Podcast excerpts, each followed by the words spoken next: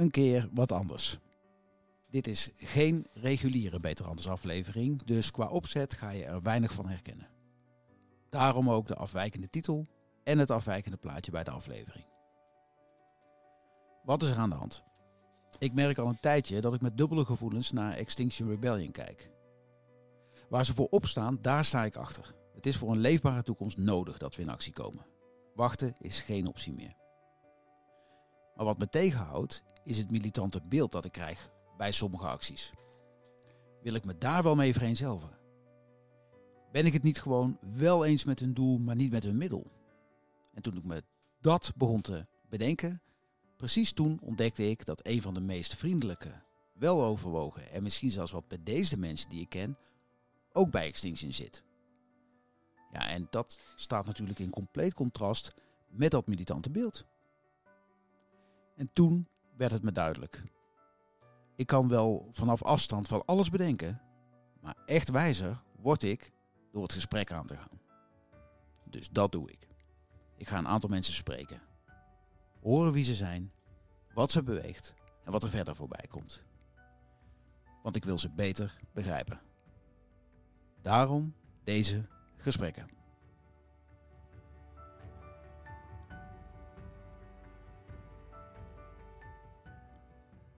Zo, Gert-Jan. Zo grappig. Je bent uh, uh, nummer drie uh, in deze subserie, zeg maar. Um, en waar ik de andere twee een klein beetje en een heel klein beetje kende, ken ik jou nog een kleiner beetje. We hebben elkaar één keer even kort gesproken afgelopen zaterdag. Gisteren of eergisteren? Ja, eergisteren, vrijdag. Eergisteren, ja. Um, ja, wie ben je? Wie ben ik? Ja. Um, ja, daar kan je letterlijk of een figuurlijk antwoord op geven natuurlijk. Letterlijk is het zo dat uh, ik ben een uh, verzameling levende cellen. met een klein beetje bewustzijn. Uh, figuurlijk heb ik een aantal rollen te spelen in dit leven. ik, ben een, ik ben een vader, een vriend, een echtgenoot, muzikant, Mm -hmm. ondernemer, organisatieadviseur, activist. Dus dat is eigenlijk ja, een letterlijk antwoord en een uh, figuurlijk antwoord. Oké. Okay. Ja. Even voor, de, voor in het kader van de, van, van de concrete uh, invulling, zeg maar. Je bent de uh, ondernemer, je bent ondernemer nog steeds, hè? Klopt. Ja, want je had een bedrijf tot redelijk, niet zo lang geleden in ieder geval. Ja, klopt. ja. Vertel eens, wat heb, wat heb je gedaan? Um, ik heb 29 jaar lang een organisatieadviesbureau, een opleidingsbureau gehad. Oké. Okay. En um, na mijn opleiding, een uh, HTS, technische bedrijfskunde in uh, Breda. Mm -hmm. Toen kreeg je net de Europese richtlijnen voor veiligheid uh, uit Brussel. Mm -hmm. Kreeg je op ons af. En tijdens die afstudeeropdracht merkte ik samen met nog een afstudeerder dat bedrijven eigenlijk helemaal niet wisten hoe ze dat moesten implementeren. Ja. Die CE-markering, zeg maar, die, dat, dat veiligheidskeurmerk. Ja. Dus daar zijn we toen een eigen bedrijf in begonnen. En DNF, DNF Consulting. Mhm. En die ehm, die compagnon die is na een aantal jaren is die, uh, weggegaan. Die wilde liever wat anders doen. Hm. En toen begon het bedrijf uh, te groeien. Ik heb op een gegeven moment een, een, algemeen directeur aangenomen. Omdat ik merkte van ik vind het zelf leuk om naar klanten te gaan. Ik vind het leuk om uh, te schrijven, om producten te bedenken, om diensten te bedenken. dus, en de eerste tien jaar was het heel technisch, zeg maar. Als je een fabriek binnenkomt, je kijkt naar het hele machinepark, het productieproces. hoe, hoe maak je dat nou veilig? Hoe, kun je, hoe laat je mensen veilig en gezond ermee werken? Mm -hmm. En um, dat was eigenlijk het eerste blok en het eerste team wat ik heb opgebouwd uh, daarin. Mm -hmm. En het tweede team was meer organisatorisch van aard. Uh, van Ja. hoe, uh, hoe zit het management eromheen? Hoe organiseer je dat nou allemaal? Welke certificeringen moet je allemaal hebben? Dat was het tweede team uh, eigenlijk binnen bedrijf. En wat toen nog ontbrak was het, het, het menselijke stukje. Dus ben ik psychologie, psychologie gaan studeren en NLP. Uh, neurologistisch programmeren. Ja. En um, daar heb ik zeg maar ook weer een team omheen uh, gebouwd.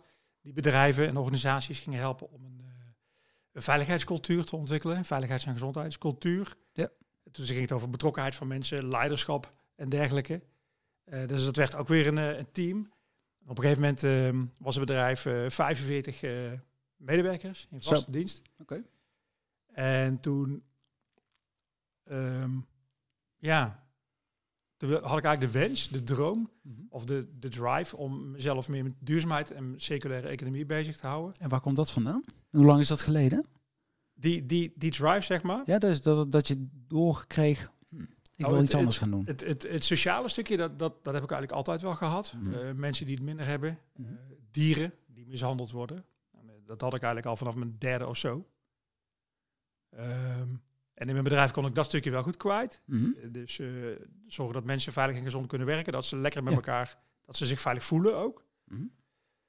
Maar het andere stuk, het ecologische stuk eh, van de planeet, de aarde, dat kwam eigenlijk pas 2005, 2006 denk ik. Daar eh, hoor je vaak Inconvenient Truth. Oh ja, ja. Daar hoorde ik jou ook een keer... eh, Nee, nee, nee. Iets over de- zeggen in een ja, nee, dat, ja, dat was de nummer twee met, met, met Nick Matulessi. Die eh, Ja. die ja, als trigger. Ja. Oh, was hij ja, dat? Ja, ja, ja. ja, ja, die kwam zo binnen. ja. En eh, ja, dus dat gaat dan broeien in je hoofd. Eh, Ik ga, ik, ben ik me daarin gaan verdiepen. Op, ook een opleiding gedaan. Oxford University.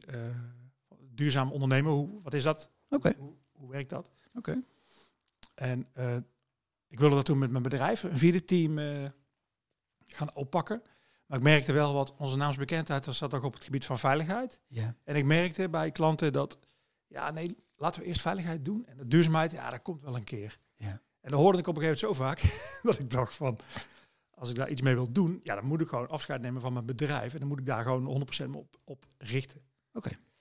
En wanneer is die eh, conclusie getrokken? Die is een aantal jaren teruggetrokken. En uiteindelijk is het ehm 2,5 jaar terug of zo is het echt verkocht. Ja. En toen eh, heb ik nog tot afgelopen zomer heb ik daar nog gewerkt. Ja. En vanaf de zomer eh, ben ik eh, gaan kijken van wie in Nederland houdt zich bezig met verduurzaming, met circulaire economie. Eh, op nationaal niveau, provincieniveau, gemeentelijk niveau, bedrijfsniveau. En waar kan ik mijn kennis en ervaring inzetten om, om, om waarde toe te voegen? Mhm. positieve impact te maken. Dus daar ben ik eigenlijk vanaf, vanaf de zomer mee bezig. Vanaf afgelopen zomer nog? Af, afgelopen zomer. Ja, Toen dus, volle eh, bak, want daarvoor was het nog eh, volle bak op, eh, volle op bak bedrijf. DNF. Ja, Ja, ja. ja. we- wel, duurzaamheid was een beetje... Dat boek wat ik geschreven had, Humanifest, dat was Ja. wel tijdens DNF-tijd. Mhm. En die opleiding was ook tijdens de DNF-tijd. Ja, precies. Maar de- als je zou kunnen zeggen, daar heb je de, de, de, de eerste vlieguren gemaakt, zeg Juist, maar. En ja. nu daadwerkelijk het, het, het moedervliegtuig, het moederschip verlaten. En Ja, ja, oké. precies. Ja, Oké. precies.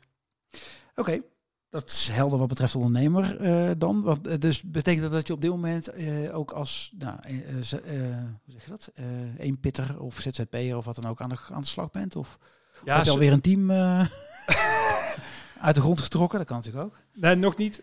Nog niet, maar er wordt wel aan gewerkt.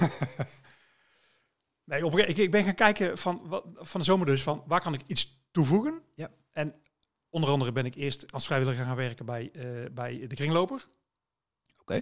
I- In Etteleur, om te kijken van, wat brengen mensen? Ja. Wat wordt er verkocht? En eh, dat heb ik een tijdje gedaan. Op een gegeven moment ben ik in contact gegaan met de gemeente, hier, Etteleur. Ik dacht van, nou, ik pak mijn fietsje en ik ga gewoon de bedrijven ga ik hier helpen te verduurzamen, circulair te worden. Ja. Op een gegeven moment hebben ze zelfs daar een vacature voor opengezet. We zoeken een Gert-Jan. Nou, uit, dat bleek dus van niet. Nee. Nee, Ja. nee want Leer mij de gemeente kennen. Nee. ja, Ja. nou dat Ik wist heb ik, dus. sowieso ook al eens geprobeerd, ja. ja. Vandaar de grap. Ah, oké. Ja, ga verder. Nou, dat wist ik dus niet. nee. Maar toen kwam er een vacature, eh accountmanager, verduurzaming en circulaire economie van het bedrijfsleven. Ik dacht, Dat is de jouwe. dat is de mijne. Ja. Dus ik heb daar een aantal gesprekken gevoerd, echt super top. En toen zeiden ze van, ja, nee, maar je, je, je wilt veel te snel, je bent, je, je, je bent veel te enthousiast. Eh, Je gaat tegen muren aanlopen. Dat moeten we niet doen. Oké, wacht even. Ik doe even mijn, eh, mijn mond weer dicht. Maar die, die staat zo ongeveer tot op de, de vloer open nu.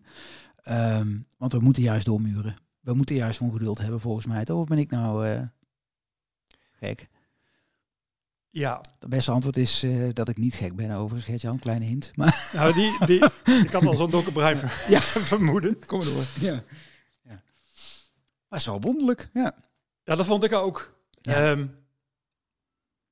aan de andere kant snapte ik die teamleider ook wel. Mm. Omdat hij had een team met 25 mensen. En toen zei ik wel van ja, nee, maar als ik een sollicitatiegesprek doe bij jullie, dan ben ik wat een beetje zenuwachtig en wat drukker dan normaal. Mm. Misschien, en dat is misschien, dat schrikt af. Maar als ik zit te werken, ten eerste heb je geen last van mij, want ik, ga, ik pak mijn fiets en ik ga naar die bedrijven toe. Ja, ja. Oké, laten we even doorgaan naar Extinction. Want hè, uiteindelijk ehm, eh, was dat in ieder geval de aanleiding voor deze serie. En ben ik ook wel benieuwd, hè, want daar ben jij bij aangehaakt. Hè? Vertelde je net ook in, in, in, in het begin van de introductie. Wat, hoe is dat gelopen? Ja, dat was voor het eerst een jaartje terug, of, of ruim, ruim een jaar terug, tussen die jaar en anderhalf jaar terug. En Mhm. omdat ik, eh dat was nog in mijn DNF-tijd, dus toen had ik in mijn hoofd al van ik wil me gaan bezighouden met verduurzaming. Wie is ermee bezig? Daar kwam ik Extinction Rebellion tegen. En ik had daarvoor, had ik eigenlijk ook al wel initiatieven gedaan, ja, bij de vorige nationale verkiezingen. Mhm. Dat was 2020, denk ik. Of ben Ja. even kwijt. Ja, maakt niet uit. Maakt niet uit. Heb ik eh, op basis van Humanifest Mhm. was er een politieke partij, Healthy Earth, die vroegen van, mogen wij jouw boek gebruiken als partijprogramma en meedoen aan de verkiezingen? Tuurlijk. Oké. Ja, dat mag. Hebben we dus gedaan en dat is uiteindelijk net niet gelukt om, om, om mee te kunnen doen om op de om verkiesbaar te komen. Oh, dus, dus, dus voor de verkiezingslijst, zal ik maar zeggen. Ja, ja, eh, dat. daar, hield, daar was het de, de drempel dat- net te hoog. Dat was de drempel net te hoog. En achteraf gezien, maar goed ook, omdat ze splinterpartij, eh, afijn. Ja. Maar, ehm, dus toen is er ook dat politieke eh, zaadje geplant, zeg maar. Van, ik had echt de drive om iets te gaan doen. Mhm. Ik ben toen ook een paar keer naar Den Haag gegaan, naar het Binnenhof, Oké. met mijn boek. En gewoon mensen aangesproken. En op die manier geprobeerd om, ja, doe iets. Ja, ja. dat. Dus die zoektocht, in die zoektocht eh, kwam ik Extinction Rebellion tegen. En toen ben ik daar naartoe gegaan. ehm, in Eindhoven. In Breda was nog geen eh, chapter of nog geen afdeling. Eindhoven. En eh, ja, dat was eigenlijk een warm bad. Ik ontmoette daar heel veel mensen die ook vonden dat er iets moest veranderen. Eh, omdat ja, ze zich zorgen maken over het klimaat, de natuur, eh, het milieu, Mhm. eh, ook het sociale stuk, armoede. Het sociale stuk is voor Extinction een onderwerp? Ja, Oké. ja. En dat is, komt misschien niet zo naar buiten, maar Nee. dat zit er wel heel erg achter. Vooral een stukje armoedebestrijding, mensen die het minder hebben. Eh, maar ook een stukje diversiteit, antiracisme, eh, inclusiviteit. Dat stuk zit er heel erg achter. Oh, maar dat... Ja, niet alleen in de, ook in de, in de, in de, in de organisatie zelf. Oké. Ja, maar dat komt niet zo eh, eigenlijk na- naar buiten toe. Nee, nee, ik dacht dat ik... Ja, ik, ben geen expert, Extinction Rebellion zeker niet, maar eh, deze wist ik niet. Nee, klopt. Nee.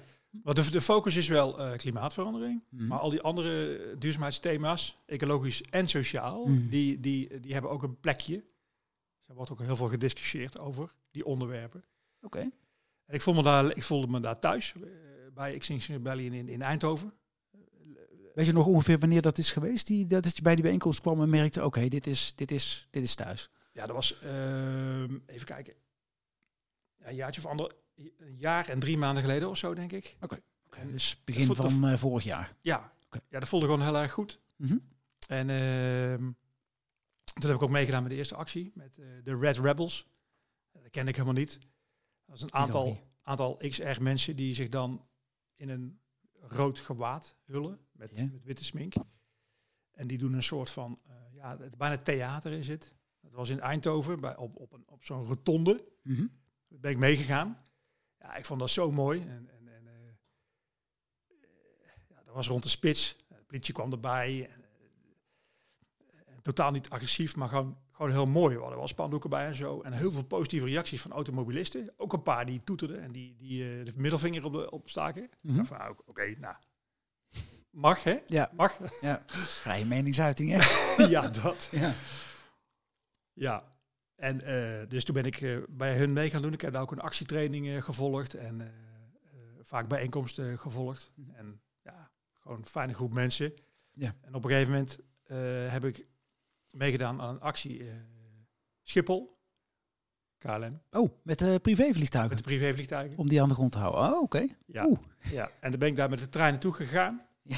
En in de trein kwam ik toevallig met twee mensen te spreken, dat was moeder en dochter. En die hadden dus eh, Extinction Rebellion Breda opgericht, ooit, jaren terug al. Oh, Ja. dat is te zielen gegaan toen. Ja, Oh, en dat was gewoon puur toeval. Nee joh, oké. Ja, ja. Maar die, die waren wel op weg naar dezelfde demonstratie. ja en zij waren naar het eh, low risk eh, gebeuren in de, in de vertrekhal. En ik ging naar het high risk. Ik wilde dat gewoon eens meemaken. En, maar, eh, maar toen... Een toen dus, competitieve mens zou nu zeggen, dus je, je hebt ze snel ingehaald. Maar goed, slechte grap. Sorry. nee, nee, maar- nee, is goed. Is goed. Maar ik, had, ik heb wel gegevens uitgewisseld van... Ja. Oh, eh, oh, Breda. Ik zeg, nou, ik woon in Etteleur. Dus ik zeg, ik wil jullie best helpen. Ja. Oh, nou, eh, nou, leuk. En dus in de weken na de, de, de, de Schiphol-actie... Ja. hebben we contact gezocht. En van het een kwam het ander. En inmiddels is er ook een, een, een afdeling Breda. Ja, Met- daar heb ik van inmiddels- gehoord, maar Ja. ik ken hem nog niet. Maar, Met, maar ga je me nou vertellen dat jij de koning van de, de Breda's eh Nee, nee, nee, nee, chapter nee. bent? Of, Nee, oh, nee, nee. oké. nee. Als, dan was ik helemaal slecht geïnformeerd, maar oké. Ja. ja. Eh, sowieso is er geen hiërarchie bij, eh bij Caesar Rebellion. Nee, dat is me verteld, dat klopt. Ja. Maar inmiddels zijn we wel met eh, ja, 25 tot 30 mensen volgens mij. Oké, Breda, dus is, is snel gegaan. Dus, eh, dus dat. oké. Ja. En die, eh, die actie, die, eh, die, die, die, eerste, die eerste actie was dus met, dat- met die Red Rebels. Ja. En de eerste extra grote actie was dus Schiphol. Mhm. Maar dat was gewoon heel heftig. Ja? Ja. Ehm. Tja. Want dat, dat was een, ik dacht van, ik ga met het high risk eh, eh, actiedeel meedoen. Ja, een stukje buiten Schiphol verzamelen. We allemaal zo'n wit pak aan. En dan eh, in, een soort van mars daar naartoe. Mhm. Dan liepen we zo langs het hek, Schiphol. Want niemand wist van wat precies gaan we doen. Gaan we ook naar die vertrekhal, luisteren naar de toespraken. Niemand wist. Maar we liepen met z'n allen, hoeveel, ik denk 500 man of zo, vier aan vier, langs het hek. En op een gegeven moment zagen we dus van links achter het hek kwamen dus XR mensen op een fiets aan de andere kant van het hek, dus bin- Aan de binnen- aan, aan- ja, ja. aan de binnenkant. Mhm. En, dus, en wij liepen langs het hek af en zij kwamen zo, dus ze kwamen bij elkaar. Ja? En toen, want niemand wist wat er ging gebeuren, maar behalve een paar mensen, want je moet dat organiseren van tevoren, dat kan niet Mhm. anders. Mhm. En op een gegeven moment kwam dat dus bij elkaar en dus stopte het. En al die 500 mensen die gingen toen rondstaan, rond het hek staan. En toen bleek dus later dat, dat, dat het hek opengemaakt was. En dat, toen ging iedereen door het hek heen. Oké, maar dat Dus gewoon dat een was- regulier hek wat opengezet werd. Er is niet een, eh, een gat in een... eh, Jawel, dat was een, een- zo'n zo'n zo'n zo'n zo'n hekwerk, zeg maar. Zo'n Ja, ja. kippengaas. Ja. En dat, dat, dat is met een, eh, met een schaar of zo is Ja. dat, Een ruimte een gemaakt. Ja. ruimte gemaakt. Mhm. Dus het was voor ons een verrassing, maar ook voor, er stonden een paar ja, marechaussee mensen bij. Ja, die, die raakten ook een beetje in paniek. Mhm. Die zagen in één keer die 500 man dat terrein op. Ja, ja. Dus dat was echt super spannend. En help me even, want ik weet niet meer wanneer die, die actie is geweest. Is dat in het najaar geweest? Of, Wanneer was dat? Even kijken. eh, Nou ja, dat is ook niet zo heel spannend. Ehm, ja, een paar maanden terug. Maar ja, ja, maar voor de A12-blokkade in januari. Volgens mij was er fo- ik denk dat dat ervoor was, ja. Ja, ja. Ja. En oké. Maar dat zijn best wel, best wel eh, eh, ehm, je zou kunnen zeggen, best wel, best wel opstandige dingen. Hè? Om, een, om een hek kapot te knippen en dan naar binnen te lopen en dergelijke. Terwijl van Ja. de andere kant, als je kijkt naar wat je gedaan hebt, je hebt best een... eh, een eh, nou, laat ik zo zeggen, wat, je, wat, je, wat ik van een reguliere directeur zou verwachten. En ik weet natuurlijk, ik, heb er genoeg gesproken, dus ik weet ook dat je daar alles tussen eh, golvend en een, en een rode broek tot en met eh nou, hard rock spelend, noem maar op. En alles wat ertussen zit. Ehm, maar het klinkt wel als een grote sprong, zeg maar, van een bedrijf van 45 man. Dan heb je toch echt wel een serieuze tent onder je hoede. Naar dit. Ja. Hoe heb je dat? wel, ben je stiekem een punkrocker die eindelijk nu los kan gaan, zal ik maar zeggen? Is dat het? Heeft er altijd al gezeten? Of, of? Heeft er altijd wel gezeten. Oké. Ja, ja het eh, heeft er altijd wel gezeten. Eh, het blijft een grote stap hoor, daar kom- komen we zo meteen nog even op terug. Denk ik. doe Ik- nu maar, zeg ik- maar. Ik, ik ben het helemaal met je eens. Blijft- Nee, nee, het maar zeg maar wat die grote stap voor jou is geweest. Interessant. Nou, ik, ik vind gewoon, er, er, moet, ja, er moet gewoon iets gebeuren. Mhm. En eh, als je bijvoorbeeld, ik lees ook alles wat los en vast zit op het, eh, op het gebied. Als je boeken leest over transities. Mhm. eh, ik denk dat we nu in een transitie zitten. Als je bijvoorbeeld het boek van eh Omarm de Chaos van Jan Rotmans, wat, Mhm. wat vaak aangehaald wordt. Yep. En, en, en terecht. Mhm. Die zegt ook van, we zitten in een... eh, ehm, ja, eigenlijk in een, in een transitie van tijdperk, een verandering van tijdperk. Niet een tijdperk van verandering, maar een Verandering van tijd. verandering van tijdperk. Dat is, Ja. iets heel, dat is iets heel anders. Ja. En ik denk dat hij daar gelijk in heeft. Ja. En sinds de, in de komst van de industriële revolutie tot aan nu, zeg maar. Mhm. Ehm, en dan met de versnelling vanaf 1950 mhm. zijn er heel veel dingen misgegaan. Ik heb dat toen met de Humanifest, met die politieke partijen uh, uitgezocht. Ja. van hoe, hoe zit dat? Wat, wat is de samenhang tussen de dingen die er niet goed gaan in de wereld? En hoe zou je dat op, uh, op kunnen lossen? En ik vind gewoon dat er te weinig over gesproken wordt, over wat er echt anders uh, zou moeten. Mhm. Uh, en hoe ga je dat dan stimuleren? Hoe krijg je een plek aan tafel ja, eigenlijk? Als burger zijnde. Ja, ja. Ja. Even, even een vraag, want je hebt dus dat, dat boek Humanifest ges, ges, geschreven. Ja. Je vertelt, of je haalt uh, Jan Holtmans uh, aan, hè, het boek, maar ook verandering van tijdperk opmerking. Hoe zou jij de verandering van tijdperk typeren? Wat is de, de, de, oude, dat is waar we nu in zitten, of we uit aan het wandelen zijn, zeg maar. Hoe ziet het nieuwe eruit? Wat zijn daar de pijlers onder? Of de, welke ingrediënten zitten daar meer in dan in de huidige? Zou je dat kunnen duiden? Ja, ik kan het proberen, maar ik denk tijdperk, zeg maar over, over, over 50 jaar, mm -hmm. dan is er van alles veel minder, denk ik. Mm -hmm. Omdat als je bijvoorbeeld kijkt naar uh, uh, de Club van Rome, mm -hmm. uh, die zich ook met duurzaamheid bezighoudt, die hebben in 1950 al um, de Limits to Growth ja. geschreven. En dat boek, zeg maar, dat is nog steeds relevant. sterker nog, er is nu een aantal jaren terug een update verschenen van, ja, zaten we er nou naast of met al die voorspellingen en rekenmodellen die erachter ja. hadden, of, ja. of hadden we nou gelijk? En het Ja. bleek gewoon van, ja, ze zaten er gewoon hartstikke, ze zaten hè? gewoon hartstikke goed. Ja. Het komt precies uit wat er gebeurt. Ja. En dus dan ben ik me ook zelf daarin gaan verdiepen met het Manifest. En wat je eigenlijk ziet is, sinds de industriële revolutie en met een versnelling vanaf 1950 Mhm. en nog, nog een extra versnelling vanaf 1980, Ja, toen het neoliberalisme eigenlijk nog eind 80 dan denk ik. Ja, toen de regels voor Toch? de banken en zo, precies, Ja. eh, ook werden afgebouwd. Toen kreeg je nog eens een versnelling, dus een Ja. aantal versnellingen. Ja. En eigenlijk wa- wat je, wat je ziet zeg maar, in, in die tijd, is dat, dat eigenlijk alles exponentieel groeit. Ja. Want het begint met, de met, de met de, de beroeps- of de wereldbevolking zelf. Mhm. In 1950 waren er nog maar 2,5 miljard mensen. Dat is pas 70 jaar geleden. Ja, Iets, iets meer. En nu zijn er 8 miljard. Dus vier keer zoveel mensen. En datzelfde zie je in eh, de hoeveelheid water die we gebruiken. De hoeveelheid producten die we verkopen. De hoeveelheid plastic. Ja. eh, de hoeveelheid plastic in de natuur. De hoeveelheid gif. Maar ik wil even terug naar dat, naar, naar de, dat, dat, dat nieuwe tijdperk, zeg maar, verandering van tijdperk. Je hebt een Ja. boek geschreven, Humanifest. Nou, dat is een samentrekking van humaan en manifest, neem ik aan. Hè? Ja, of, of human en manifest, hè? dus de menselijke kant en, en, Ja. en een manifest. Ja. Is het een manifest voor menselijkheid? Ik heb het niet gelezen, het boek. Hè? Dus ik heb, alleen, ik heb het vanmorgen pas gezien dat je het überhaupt geschreven had. Oké. Ehm, eh, ja, sorry. nee, nee. Dat ken je ook pas een dag eerder, hè? Dus, maar ehm, eh, dan, je, je kunt niet volgens mij eh Humanifest schrijven en Jan Hopmansen. Dan, dan, dan moeten elementen zijn die je, die je, waarvan jij, laat ik zo zeggen, als jij de wereld van morgen zou mogen schetsen, schilderen, een eerste schets op een, op een doek mag zetten, dan weet je een paar punten erop. Ja, Dat moet iets met humaniteit te maken hebben, denk ik. Dat is wel- naam. Is wel zo, omdat er, het is zeg maar een, een, een, een, een, palet aan maatregelen die Mhm. volgens mij moeten, moeten gaan gebeuren, die eigenlijk helemaal niet zo moeilijk zijn. Oké. En dat is ook wat mij hoop geeft, omdat Mhm. alles wat er zou moeten gebeuren is al wel eens bedacht Ja. en niet zo heel spannend. Bijvoorbeeld als je kijkt naar het sociale stuk, bijvoorbeeld als je kijkt naar de boeken van Piketty, die Ja. schrijft over ongelijkheid in de wereld. En ik had het net over die exponentiële grafieken. Mhm. Nou, die, die grafiek kan je ook plakken over de verdeling van de rijkdom over de Ja. wereld. Nou, dat is een mooi dat je daarover begint. Ja. Want ik vroeg bewust net, dat was volgens mij eind jaren tachtig. Want dat is het, nou ja, toen, toen was Ja, ik nou, ongeveer... zo. Ja, Ehm, want ik heb een tijdje terug het boek Fantoomgroei gelezen. Ik weet niet of je dat kent. Fantoomgroei. Fantoomgroei van ik. Sander Heijnen onder andere. Ja, ja.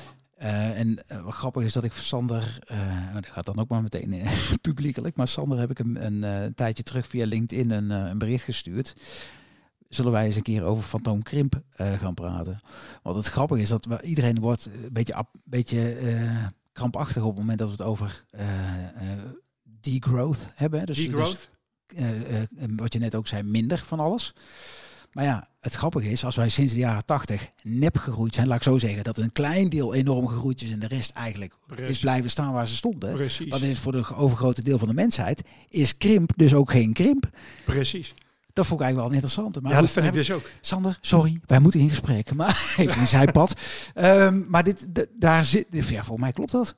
Ja, dat, klopt, dat klopt helemaal. Ik had net over die grafiek met die exponentiële Ja. groei. En eh, als je dat op economische groei Mhm. eh, eh, toepast, dan is sinds de jaren 80 waar je het over hebt, Ja, als je de, als je de schade aan natuur, milieu, klimaat en de maatschappij meetelt, ja, de schade, dan is de economie niet gegroeid. nee, precies. Nee, het is een soort nepgroei, omdat Ja. er honderdduizenden miljarden zijn gedrukt. Ja. Als een soort nepgeld. Ja, maar eh, naast dat Ja, ook gewoon de salaris, de echte harde salaris. Hè? Dus niet hogere prijzen en hogere inkomens. Want als de inkomens eh, verdubbelen, maar de prijs eh, verdubbelen ook, ja, dan, heb je, dan, dan, dan win je niet zoveel. dat zie je nu gebeuren. Ja. Praktisch gezien is, is er dus al dus eh, Sander en die heeft met iemand anders geschreven, ben ik even de naam van kwijt. Maar die, dat boek, daar staat eigenlijk in, er is geen modale of daarboven Nederlander, eh, en, of en zeker daaronder Nederlander, echt vooruit gegaan. ja, precies. Ten opzichte van, let op, schrijft u mee beste luisteraar, niet vooruit gegaan ten opzichte van 1990. Ja, Dat is 33 jaar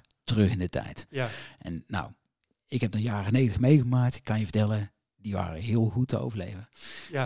Toen kregen wij als chips eh, meer dan één, na, eh, één keer in de week. Dus Ba- basisbeurs. om iets heel belangrijks te zeggen. Dus ja, ja. goed. Ehm, ik wil even, interessant dit hoor. Want dus er zijn, oké, dus, dus meer, eh want humanifest, hè, dus er zit meer menselijkheid, meer gelijkheid, hoor ik je zeggen. Ja, dat zit erin. Basisinkomen bijvoorbeeld. Ja, Is goed te betalen in de hele wereld. ja. Wij moeten een ander moment een keer over dat boek eh, verder doorgaan, eh, denk ik. Want ik wil even terug eh, bij, of bij eh, eh, Ex- Extinction, Extinction Rebellion, ja. Ja. precies. Omdat dat, eh, kijk, uiteindelijk hebben we even terug naar waar we net waren. Hè. Je bent eh, directeur van een, van een organisatie van 45 geweest. Je hebt andere bedrijven geholpen met veiligheid. Je ziet daar eigenlijk een spoor van veiligheid waar jij eh, in, in begeven hebt. Het feit dat iemand directeur veiligheid is geweest, zal ik maar zeggen. En andere bedrijven, door andere bedrijven met heel zijn tent werd binnengetrokken. Maak het hier veilig. Dat die zegt, ik ga een onveilig pad op van Extinction. Ik verzin hem hier eh, as we speak. Maar dat zegt wat, hè? Blijkbaar zag jij dus de veiligheid groter door bij Extinction te gaan zitten. Dan door te gaan op, een, op, op, op veiligheid propaganda. Van Nee, jezelf dan, hè? Ik, vol, ik, ik, ik volg je. Ja, en ik vind met Extinction Rebellion meedoen, dat Ja. vind ik juist een heel veilig idee. Oké, vertel. Omdat als je kijkt van wat voor maatschappij zouden we willen hebben, waarin we dus minder eh, schade toebrengen aan de maatschappij, aan de natuur, aan het milieu, bla bla bla. Eh, dat voelt voor mij juist heel veilig. Ja. Ik had dat vroeger al. als ik bijvoorbeeld als naar de dierentuin gingen we, en dan zag ik toen al die bordjes bij de olifanten. Ja. Van deze soort zijn er nog maar 1300. Ja, ja. En ik stond, iedereen stond naar die olifant te kijken. En dan sma mijn moeder, Osma, Osma, ja, ja, praten. zijn- dus moederdag, Ja, smoeder. Ja. dat is moeder. Die zei van, jij stond dan bij de bordje te lezen. Van, moet hier eens, heb je dat gezien? Ja, En van, hè, wat bedoelt hij nou? En toen had ik dat al. ja. Dus het, ik, ik vind het juist heel veilig voelen van, laten we daarover praten. En proberen daar een oplossing voor te bedenken. En dat geldt met Extinction Rebellion eigenlijk ook. Maar stel nu dat, dat, dat, eh, dat, dat er een directeur van BV Wereld zou zijn. En die huurt jou vanuit je vroegere eh, eh, activiteit eh, DNF, hè? Sorry, DNF. De, naam is verschrikkelijk, dat weet ik.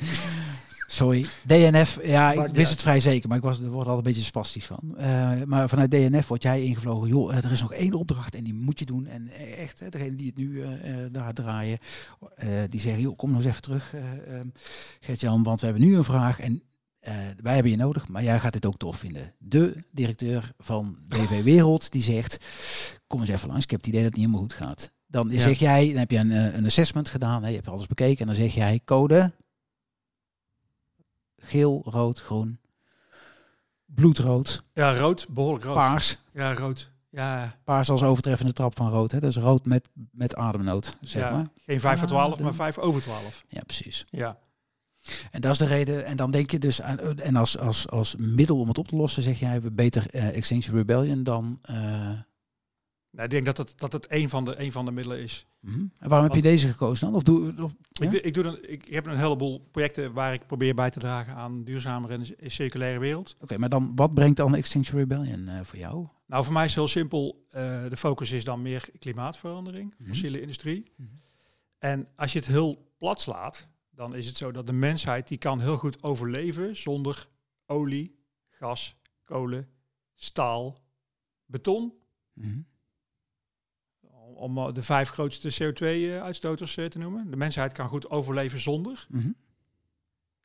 Maar de mensheid kan niet overleven zonder een natuur. Ja. Zonder Zonder eten dus. eten. Ja, ja. Wordt Zonder, lastig, ja. ja, zonder een lucht die je kan inademen, zonder een gasmasker. Mhm. Zonder water waar je kan drinken, zonder... Dus dat Ja. is voor mij heel simpel. Ja. Dus als je, zo, als je het zo benadert, dan zou je eigenlijk denken van... Ja, maar dan zou eigenlijk iedereen toch eh, dat belangrijk moeten vinden. Ja, dus eigenlijk wat je zegt is dat het fundament van ons leven, letterlijk, de grond, Ja, zodanig in bedreiging is. Dat dat de reden is waarom je dus op deze manier met Extinction Rebellion Ja. eh, aan de slag gaat. Geeft het je rust om eh, bij Extinction act- actief te zijn? Dat hoor je ook wel eens, hè? dat mensen die actie prettig vinden. op een bepaalde manier wel. Mhm. Om, maar ik heb zelf wel heel erg de behoefte als ondernemer om ook andere projecten daarnaast eh, te doen. Waarom? Omdat ik ook zeg maar niet alleen langs de zijlijn, niet alleen activistisch wil roepen dat het allemaal niet goed is, maar ik wil ook actief een bijdrage leveren om het ook te helpen veranderen. Mhm. Dus dat geldt in mijn pri- privéleven. Mhm. Dan zou je denken van, nou, ik heb best een groot huis. Dus niet heel duurzaam. Klopt. Probeer op, een, op andere manieren dan weer wel te doen. Maar ook in mijn werk, zeg maar, wil ik toch echt wel projecten eh, helpen die, Mhm. die meehelpen. Ja. Bijvoorbeeld het Zero Waste Nederland. Ja. Waar we het er straks over hadden. Ja, ja. Eh, of SDG Lokaal is er eentje. Mhm. Die eh, in iedere gemeente de SDG's, Mhm. de Sustainable Development Goals, wil promoten. Dat is ook van armoedebestrijding tot aan klimaatverandering. Ja, ja. Dat is er eentje. Maar Dus even, wat, want, want je drijf, wat is je drijfveer dan? Wat is je, je echt, wat, is, wat is hetgeen waar, waar doe je het voor? Ik, ik, ik, ik, ik wil. ehm, dat is een lastige, maar ik denk dat ik. Ik kan heel slecht tegen onrecht. En Waarom is dat een lastige? Ja, omdat. Ja. Omdat. ehm, ja, ik, ik kan er ook wel een beetje emotioneel van, van worden. Wat ik bijvoorbeeld ook heb. Als Ja, je, hebt, je bijvoorbeeld, hebt de andere twee gehoord, hè? Dus de, en, Ja, ja, en- kom maar en- door. Ja, als ik bijvoorbeeld een CEO van Shell kijk die met droge ogen zegt van ja, nee, maar we moeten niet afbouwen. We moeten 100 miljard per jaar meer investeren voor olie en gas. Dan denk ik van. En eh, dat soort mensen, zeg maar. Ja, ik, wil niet- ik wil ze niet over een kam scheren, maar waar is de empathie? Mhm. Waar, waar, waar is de logica? En ik, ik, ben, ik word dan vaak of soms iets te emotioneel. Dat is ook niet goed.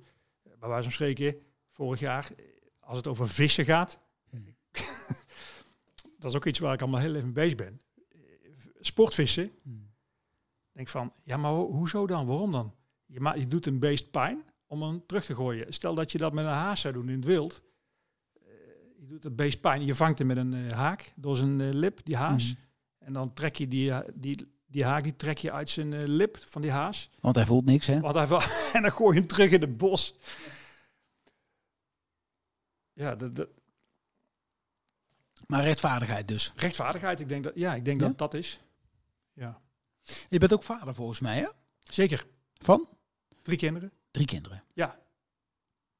Hoe oud zijn ze? Eh 12, 14 en 25. En spraak, praat je er met hun ook over? Zeker. Hoe vinden zij het dat jij met Extinction, wat je doet? Nou, Ik kan me voorstellen dat die van 12 er nog iets... die van 14. Ja, die van 25 die wil zelf ook graag een keer mee eh, binnenkort naar de A12. Van eh, later Ja, om- om- in mei. Ja, eh, eh, eh, zeven- 27 mei is de eerstvolgende. Bij de twee jongeren die zitten best wel in het systeem vast van de telefoon, TikTok, nieuwe Nikes. Mhm. Dus ik, ik, ik, ik, ik, ehm, ik moet proberen om daar zeg maar niet te veel eh, eh, druk op te leggen. Omdat, ja, ik, heb ook een... moet proberen zeggen. Dat klinkt alsof je dat moeilijk vindt, of niet? ja, sorry, ik vraag door hoor. Ja, je, hebt, Als, als je geen antwoord wil geven, moet je zeggen. Hè? je hebt groot gelijk, maar dit Ja. zijn wel de dingen waar het over gaat. Dus ik, je hebt helemaal gelijk dat je hierover doorvraagt. Ja. Maar dat, ja, dat- ja, ik vind het heel moeilijk. ja. Maar- maar om, het even in balans te leggen, hè, want, eh, eh, ik heb hetzelfde. Ik heb, je, het was nog 12, 14 en 25, zei je, hè, de kinderen? Of heb ik daarna? Ja, precies. ja. Ehm, die, eh, ik, ik heb er drie. eh nou, eentje van vier, eentje van eh 16, eentje van 19. Ehm, een tijdje terug. Ik heb me eh, en zet me nog in eh, voor energiearmoede, zeg maar, voor een, een deel van mijn activiteiten. Ah, mooi. Ja, ehm, maar die heeft dus een, een paar jaar terug zei ze, pap, kan ik meedoen? Nu is ze 16, nu gaat het over andere dingen en dat begrijpelijk. Maar ik merk ook hoe lastig die gesprekken zijn. Hè? Plat en simpel, wij eten tegenwoordig eh, vrij steeds meer vegetarisch, moet Ja. ik zeggen. Dus niet volledig, maar wel steeds meer. Ja, wij ook. Ja. Daar heb ik dus opmerkingen van over gekregen van mijn zoon. Dat was een van de moeilijkste stukken voor mij. Ik sta toch niet bekend als een bange man om dingen aan te kaarten, zal ik maar zeggen. Maar het is Nee. doodeng. Op, tenminste, ik vind het doodeng met mijn kinderen. Ik moet dus, dus eh, op een gegeven moment zegt mijn zoon: waarom eten wij hier zoveel? eh waarom eten we hier niet meer niet gewoon vlees? En toen heb ik hem uitgelegd. Ik dacht, ja, oké. En ik, ik, ik, ik liep er zelf dus al weken omheen. Ik denk, ja, ik, hoe, ik, eh, dus elke keer nog een beetje uit angst dat ik dacht, nou, ik zal voor hun maar vlees kopen. En toen vroeg je het dus een keer bij het eten. Want de keer dat ik we- wel durfde, zeg maar, om vegetarisch te doen. Dus potverdorie, net alsof het mijn, eh, mijn, eh, mijn, mijn gevangenisbewaker is. Dat is natuurlijk niet zo. Maar, eh, en toen vroeg je het. Toen heb ik het hem uitgelegd. En wat gebeurt er, denk je? Hij zegt, oh, oké, snap ik wel. ja, oh, wat goed. Dus, terwijl, en dat is, een, dat is een onderwerp waar ik echt maandenlang als een berg tegenop gezien heb. Ja, Het is zo lastig. Dus ik snap heel goed hoe lastig het is om, dat, om het aan te kaarten. Want ja, als je één keer te ver drukt, nou, joh, dan heb je weer... eh, ja. Ja. Ja, ik, ik, ik worstel daar ook heel erg mee, hoor. eigenlijk is het voor ons eh, volwassen mannen echt veel zieliger dan voor die kinderen die de rest van hun leven in die kleren voor moeten zitten. Maar laat dat helder zijn. nou, Kleine nuance. nou. Ja, hou er ook een beetje mee lachen af en toe. Hè? Maar Ja, dat moeten we, dat moeten we niet vergeten. ja, lachend aan de bak, zeg maar. maar wel Ja, lacht aan de bak. Ja, maar Ja. wel aan de bak. Ja. En met, met dat, wat jij vertelt over dat vlees, eh, precies hetzelfde. ja. En eh, een vleesvervanger, ja, sommige die zijn dan wel te eten, maar niet allemaal. ja, af en toe is het ook gewoon grijze Ja, af en toe dan, eh Dus, ja. dat denk ik zelf ook van, jee. Ja, wie heeft dit bedacht? Ja. ja. ja. Maar we moeten daar gewoon doorheen. Ja. Of met, vlie met vliegen bijvoorbeeld. Ja, die eet ik niet. Dat is een klein grapje. Maar ga verder. Ja, zo. We zijn jaar of vijf terug met z'n vieren naar Sri Lanka geweest. Mm. Topreis had ik niet willen missen, maar dat was net in de tijd. Dat begon ik zeg maar de CO2-uitstoot van ons eigen gezin bij te houden in een Excel-bestandje. Ja. En toen kwam ik erachter dat die, eh, die vliegreis, dat was 13.000 kilo CO2. Ja. Dat was een, dus net zoveel als wat, dat wij in een heel jaar eh, uitstoten als gezin. Ja. En ik dacht van, hè, klopt dat nou? Ja. En nog eens uitrekenen. Ja. En nog eens iemand gevraagd van, be- berekening ik het nou verkeerd? Nee, dat klopt wat je, wat je zei. Door die ene vlucht op en neer, die ene dag of twee dagen. Klap je er een heel jaar uit. En toen dat kwam bij mij zo binnen. Toen zei ik van, ja, ik vlieg niet meer. Ja. Maar kijk, dit jaar vliegen we dan met het hele gezin niet. Gelukkig. Maar vorig jaar bijvoorbeeld. De rest van, nou, we willen eigenlijk toch wel slecht weer naar de zon. Hm. Ik zeg, oké, dan zijn ze met z'n drieën naar de Turkije gevlogen. Dan ben ik thuis gebleven. Hm. En toen waren er ook al mensen die tegen me, wat doe je nou? Wel? Eh, Dus dat, dat, En hoe was dat? Dat is wel interessant. Hè? Hoe was dat voor jou? ja, best moeilijk. Ja, want, ja. Nou, best moeilijk of echt Ehm, meer dan dat? nou, ik, kijk, het maakt het makkelijker omdat het een heel toeristisch oord was. Waar ik Mhm. sowieso niet, van, niet zo van ben. dus dat maakt het makkelijker. Mhm. Maar puur dat, je, dat ik niet bij mijn gezin kon zijn. Nou, dat. Thuis eh, blijf eh, met de hond. Hè. Gewoon uit principe, zeg maar. Ja. Ja, dat was, eh, ja, dat is wel een dingetje, ja. Dat is toch wel een offer. Ja, ja, ja. Ja, puur offer voor mezelf. Totaal geen moeite mee. Maar wel een offer, zeg maar, voor, voor, voor, voor mij en mijn rol in mijn gezin, zeg maar. Ik vind het gewoon fijn om met, mijn gezin te zijn. Tuurlijk. Ja. Dus- En hoe is het dus- daarna verder gegaan? Ik bedoel, ze komen terug. Zeiden de kinderen, nou joh, Nee, wat, wat was verder niks, niks aan de hand. Ja. Ja. Ze begrepen het ook wel. Ja. ja. En dit jaar, dit jaar gaan we het dan anders, eh, anders doen. Eh, voor, met de trein eh, zijn we weg geweest. En we gaan dan met een camper. een stukje, dus dan qua CO2-uitstoot is dat dan Mhm. niet nul, maar wel Ja. een tiende of zo. Van, van- Maar je leeft er dus wel echt voor, zeg maar. Ja. ja, probeer ik wel. Maar ik moet ook, moet ook niet te verpushen. Nee, nee, nee. De- Hey, en, en, en, want dit is dan in je gezin. Je hebt net verteld, in je, in je werk ben je ermee actief. Stel nu dat ik vrienden van jou eh, eh, spreek. Er zullen er een aantal zijn, misschien nog vanuit je studententijd, die je in die tijd eh, hebben meegemaakt. Die je ook mee hebben gemaakt toen je, nou, zonder enige gewetensbasis, slechte grap dit hoor, maar naar Sri Lanka ging.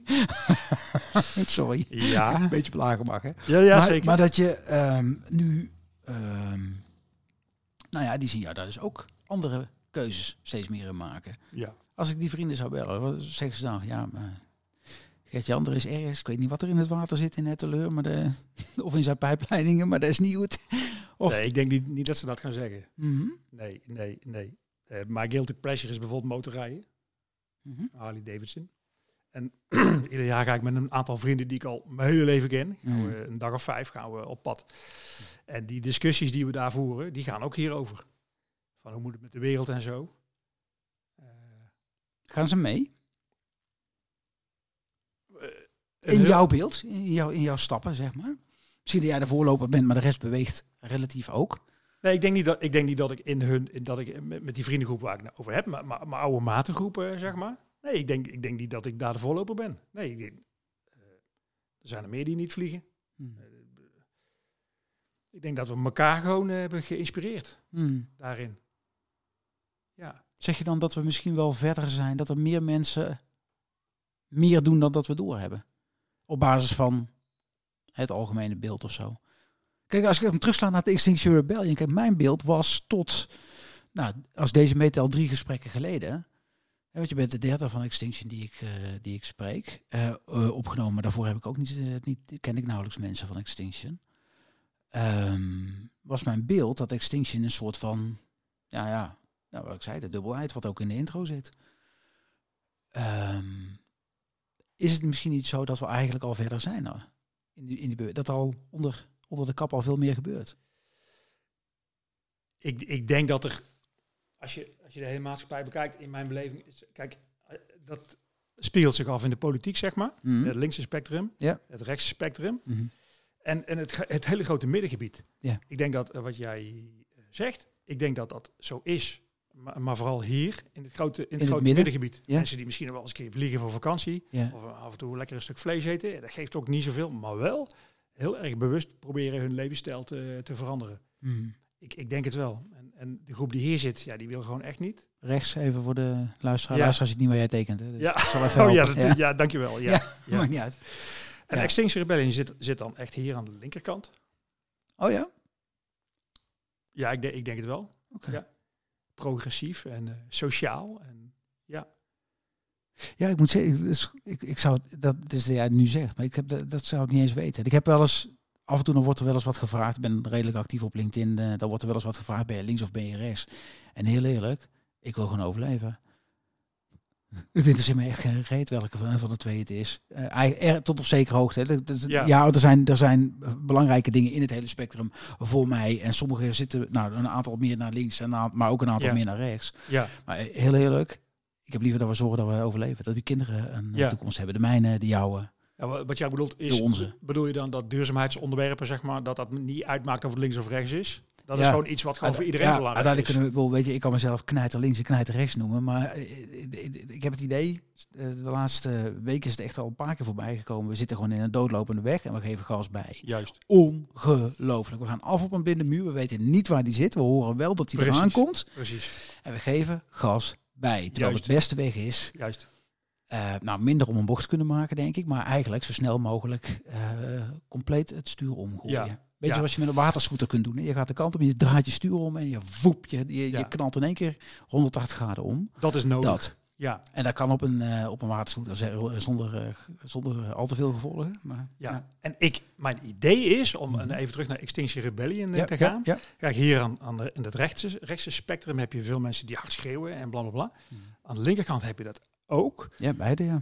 Maar ik heb het idee dat de mensen die ik ken van Extinction Rebellion, dat die allemaal hier uitkomen. meer in zeg het midden maar. zitten. Dat zijn gewoon no een- ja, wat is normaal? Ja, ja. Dat zijn geen extreme mensen. Dat zijn geen, geen schreeuwers. Nee, maar dat viel me op. Was jij, bij, was jij 11 maart, als ik het goed heb, erbij? Ik ben niet bij de, op de A12 geweest. Nee, maar wel Nee. die dag in Den Haag geweest? Nee, zeg maar, ook niet. Nee. Want ik was er toen, eh, dat was, de, de- ja, Eh, de keer daarvoor ging mijn zoon overigens ook met het vliegtuig naar eh, Thailand. Ehm, de dag erna, dus ja, daar was ik thuis nodig, vond ik. Eh, maar de 11e ben ik dus, zou, dacht ik, ik ga ze in ieder geval steunen. Ehm, maar goed, degene met wie ik ging, eh, die vond dat hij op de snelweg moest. En ik dacht, lekker kuddedier. Uh, oh ja, dan, nou ja, daar heb ik geen keuze, wat natuurlijk ook onzin is. Maar goed, ik heb dus 20 minuten lang echt met, met knikken knietjes, uh, uh, maag, rillingen. Je bent op de snelweg geweest? Ja, high, high als dat een, een de snelweg is, maar, want ze werden voor de tunnelbak, de eerste tunnelbak. Ja, dat stukje. Al, ja, maar ja. ik ben daar, ik heb wel tussen de protesterende mensen van dat. Extinctie gestaan. Ja. Um, in de eerdere twee uh, staan we daar kort bij stil. Want ja, ik was doodsbang. Ik ga dat niet herhalen, want dat is nog een beetje saai voor de luisteraar. Maar ik heb daar wel even gestaan, maar ik was doodsbang. En ik wist niet, ja, binnen, na twintig minuten dacht ik, nou, dikke neus, deze jongen gaat weer op de ja. steunfractie staan, zal ik maar zeggen. Dus aan de zijkant veilig, verder weg. Ja. Uh, maar wel steun uitspreken. Ja. Uh, ja. Dus toen ben ik er wel geweest. Maar daar viel me dus op, precies wat jij zegt, dat het, dat het, ik, ik nou, ik kon mijn ogen niet geloven. Dat was, dat zat een strijkorkest. Strijkorkest is inmiddels op de uh, op primetime ook op de, ik geloof NPO 1 of een van de andere uh, NPO's uh, geweest. Dus ik heb het gevoel wel dat het aan het bewegen is. Dus dat wat al, dat daar zat voor mijn gevoel de grote middengroep vertegenwoordigd. Daar, was, daar waren geen extremisten. De enige extreme dingen die daar gebeurd zijn, is dat er mensen nat gesproeid zijn bij drie graden boven nul. Hè, de de ja, ik heb mishandeling. Het, ja. Heb het bij de eerste ook gezegd. Want ik zat er met mijn jas en uh, met twee jassen eigenlijk aan. Echt al te vernikkelen van de kou als de Ja. zon weg was. Nou, en die mensen zijn dus later die dag, toen de zon al onder was en nat gespoten. Dat is gewoon mishandeling. Punt. Daar, daar is, daar Ja. is geen ander woord voor. Dat is gewoon mishandeling. En ze Ja. hebben niks gedaan. Niks gedaan behalve die weg. Nou, daar kun je wat van vinden. Maar nat sproeien is niet nodig. Nee. Ehm, hè, want afvoeren kun je ook zonder nat sproeien. Ehm, dat is daar gebeurd, zeg maar. En ik, maar ik zag daar dus eigenlijk alleen maar mensen die ik graag in mijn straat zou Ja, verwelkomen als dat, Laat ik het zo maar zeggen. dat valt mij ook op. Als ik, bij- een, als ik een eiland moet beginnen, dan zou ik daar Ja. dan zou ik niet weten wie ik eraf moet eh, Nee. sturen van de mensen die ik daar zag. Nee, maar ik kan je verzekeren, want ik heb dat bij die andere acties ook bij Schiphol of bij Eind- Eindhoven Airport. Ja, Die mensen die daar staan voor dat waterkanon, die zijn allemaal doodsbang. Want toen Ja? ik in Sp- ja, toen ik bij Schiphol was, Hmm. eh, toen we die met die politie, Hmm. Eindhoven Airport, met eh, ME, en, eh, politie op paard. Mijn hart zat hier. in je keel. Hm. Ja, en, en, en, maar die voorbereidingen zijn zo van Extinction Rebellion. Die mensen zijn, want daarom zien we elkaar ook vaak. En er zijn ook een aantal mensen, dat zijn dan welzijnsmedewerkers. Ja, ja, ja. En die groepen, zeg maar, die zijn zo eigenlijk zo op elkaar ingespeeld. Dat doen we expres, dat die elkaar kunnen steunen. ja. Om, want we weten gewoon, iedereen is bang. Ja. En iedereen gaat liever niet daar naartoe. Die gaat liever 's middags eh, in het park of eh, een potje bier drinken. Ja. Ja. Iedereen is bang. En eh, hoe, hoe kunnen wij elkaar daardoor heen helpen? Maar dat zegt dus wat. Hè? Dus eigenlijk wordt de collectieve angst bestreden door collectieve saamhorigheid te, te organiseren eigenlijk. Mooi, mooi gezegd. Ja. Ja, dat, dat is het. En dat zijn dus geen stoere eh, schreeuwers die hier of daar zitten, links of rechts. Nee. Het zijn gewoon ja, normale mensen die, die zich zo'n zorgen maken om de wereld. Ja. Om, om hun kinderen of kleinkinderen of whatever. Ja. Dat ze dat dus gaan doen. En dat is doodeng. En daarom is XR, zodat ze dat niet alleen hoeven te doen. Hm. Want alleen, ja, alleen lukt dat helemaal niet. Nou, zo'n A12 Nee, bezetten, ga Nee, niet. dan- joh, Tenzij je een boer bent met een trekker. weg. Ja. Dan- dan-. Maar dat is, dat, daar moeten we misschien niet over beginnen. Hm. Maar daarom is XR er om elkaar te helpen. Want die, de sociale samenhorigheid, zoals je dat net benoemde, die is zo sterk. Ja. Dat is niet normaal. Ja. En met, met ook die briefings, de dag daarna, de week daarna, de vergadering daarna, praten. Eh, ik had in Eindhoven vol dat ik op een gegeven moment braken we daar door. Dus dat is echt doodeng. Stonden daar politieagenten en eentje die begon met zijn stok, ja, die sloeg. Die sloeg. Ja. Ja. Ik, ik zag dat, dus heb ik echt van, ho, stop, even een stap terug. Dat En was dan- bij die, bij, bij die, op die, met die rode eh, eh, pakken en witte gezicht eh, actie. Nee, dat, de, of een andere ik- actie. Oh, op de airport bedoel je? Eindhoven Ah, Airport. ja, ja, ja, Ja. ja, Ja. ja. En toen? Nou, toen Wat deed jij? waren er een aantal even een stap terugzetten. Een heleboel eh, rebellen die liepen gewoon door. Eh, een paar honderd. Maar, maar ik heb een stap teruggezet. Ik dacht van, ho, dit, dit gaat Later hoorde ik dat, die, dat dat de enige politieagent was. Die, die schrok even of die raakte in paniek of whatever. was niks aan de hand. Ik kan me ook voorstellen dat er vanuit die kant ook beangstigend is Nou, om ik een dus paar ook. honderd man op je af te krijgen. Ja, ik, ik dus ja. ook. Ik dus ook. Ja. Dus even een paar stappen terug. Er waren nog een paar mensen die even een paar stappen terug. Hmm. En even later, toen ja, mochten we zeg maar naar de rest toe. Hmm. Dus toen was het eigenlijk weer prima. En, maar het wordt gebriefd, zeg maar, van hoe voelde jij? En eh, ja, om een soort, ja, om ook een soort PTTS misschien wel Hmm. te voorkomen, zeg maar. Hè. Posttraumatische stress. Ja, misschien, dat bedenk ik nu hoor, maar Ja. misschien is Ja. het niet, Ja. maar om, me- om mensen te helpen. Oké.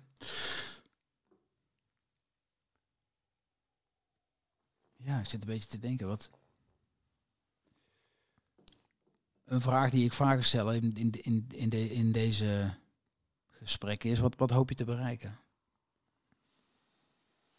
Ehm, ik hoop dat er toch meer mensen en meer bedrijven en overheden het licht gaan zien en gaan doen wat nodig is. Mag een andere, mag hem eens omdraaien? Gewoon even als vraag. En dan mag jij gewoon zeggen: ben ik het mee eens, ben ik het niet mee eens, wat je er maar over kwijt wil. Zou je hopen dat meer directeuren of ex-directeuren voor binnen hun bedrijf uiten wat ze gaan doen, dat ze het gaan doen, wat ze het gaan doen. Misschien wel één mensen eh, de mogelijkheid bieden om in welke vorm ook steun uit te spreken. Ja, dat, dat hoop ik ja. Ja.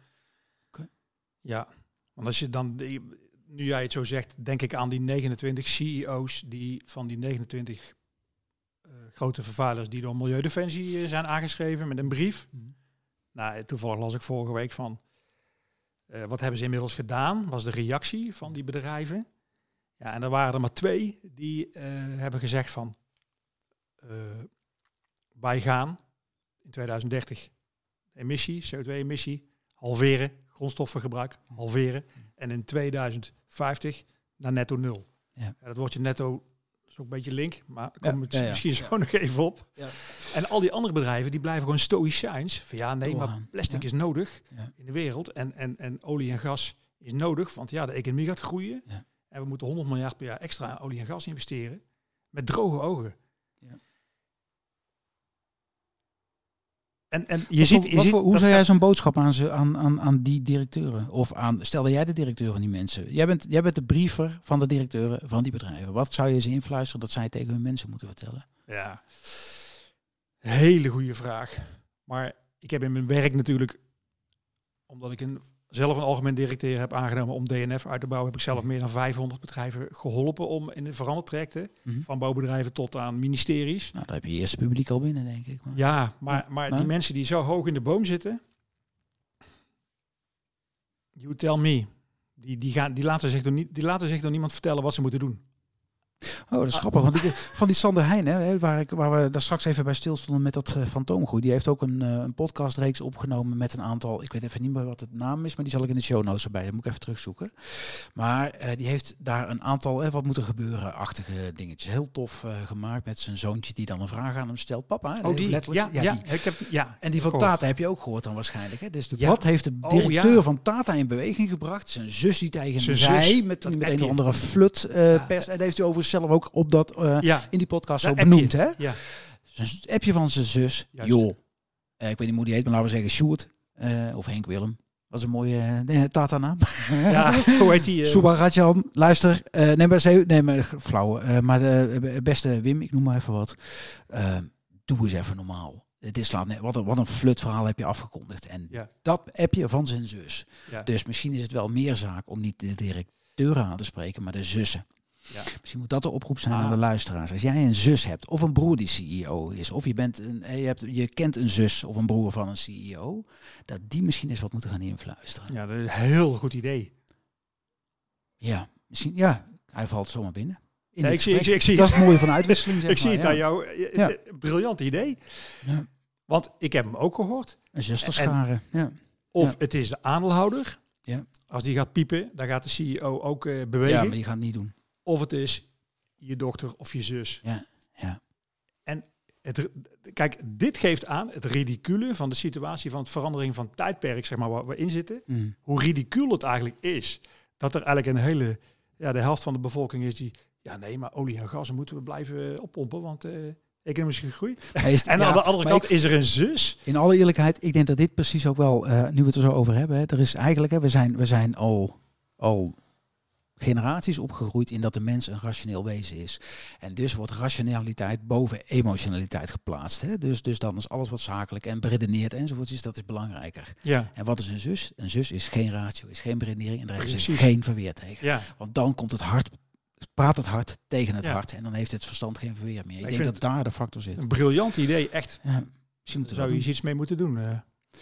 Want zo ridicuul is het, hè? Ja. Hier, gaan ze, hier geven ze 300 miljard uit aan nieuwe olie- en gasvelden. doen. Mm. Zonder met de ogen te knipperen. Ja, en aan de andere kant, Nou, één het is- van een zus. Het is van de ridicule begrijpelijkheid. Dus er zit een begrijpelijkheid in. ja, Maar het wordt tijd dat we gaan begrijpen hoe ridicule het is. Ja, Dat maar dat- terug gaan denken. dat ridicule, dat geeft niks. Dan schrijft Jan Rotmans ook in, een tijdperk, eh, eh, in de verandering van het tijdperk. Is het ridicuul? Eh, je, de ene dag hoor je dat en, en een dag later lees je dat. Denk van, hoe kan dat samen bestaan? Ja. Maar daarom Extinction Rebellion ook. Ja, er is ook een eh, XR iemand geweest die heeft zich vastgelijmd aan iets een keer. Aan een schilderij of zo. Nou, dat Mhm. zou ik niet zo snel doen, want het uitgangspunt is geweldloosheid. Ja, ja. Dus niks kapot maken. Ja. Eh, geen, ge- geen geweld tegen mensen, maar ook niks kapot maken. Ja. Ja. Alleen dat ene hekje dan. ja precies. Even eerlijk zijn. Ja. En, en, maar is dat dan militant of ridicuul? Ja. Of is het juist heel logisch dat mensen dat gaan doen? Nou, ik weet het niet. Ik weet het niet Dat is misschien een mooie cirkel om hem rond te maken ook. Want eh, dat is wat eh, Lin eh, van Heulen in de eerste... dat is de dame. Dat is degene over wie ik sprak in, in mijn intro. Dat, dat gaat over Lin. Ehm, en zij zei...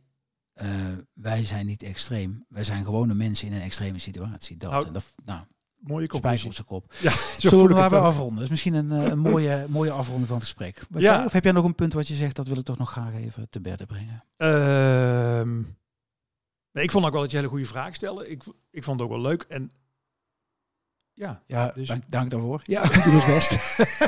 we zijn oefenende, zal ik maar zeggen. Dank. We gaan afronden. Dank voor dit gesprek. heel graag gedaan.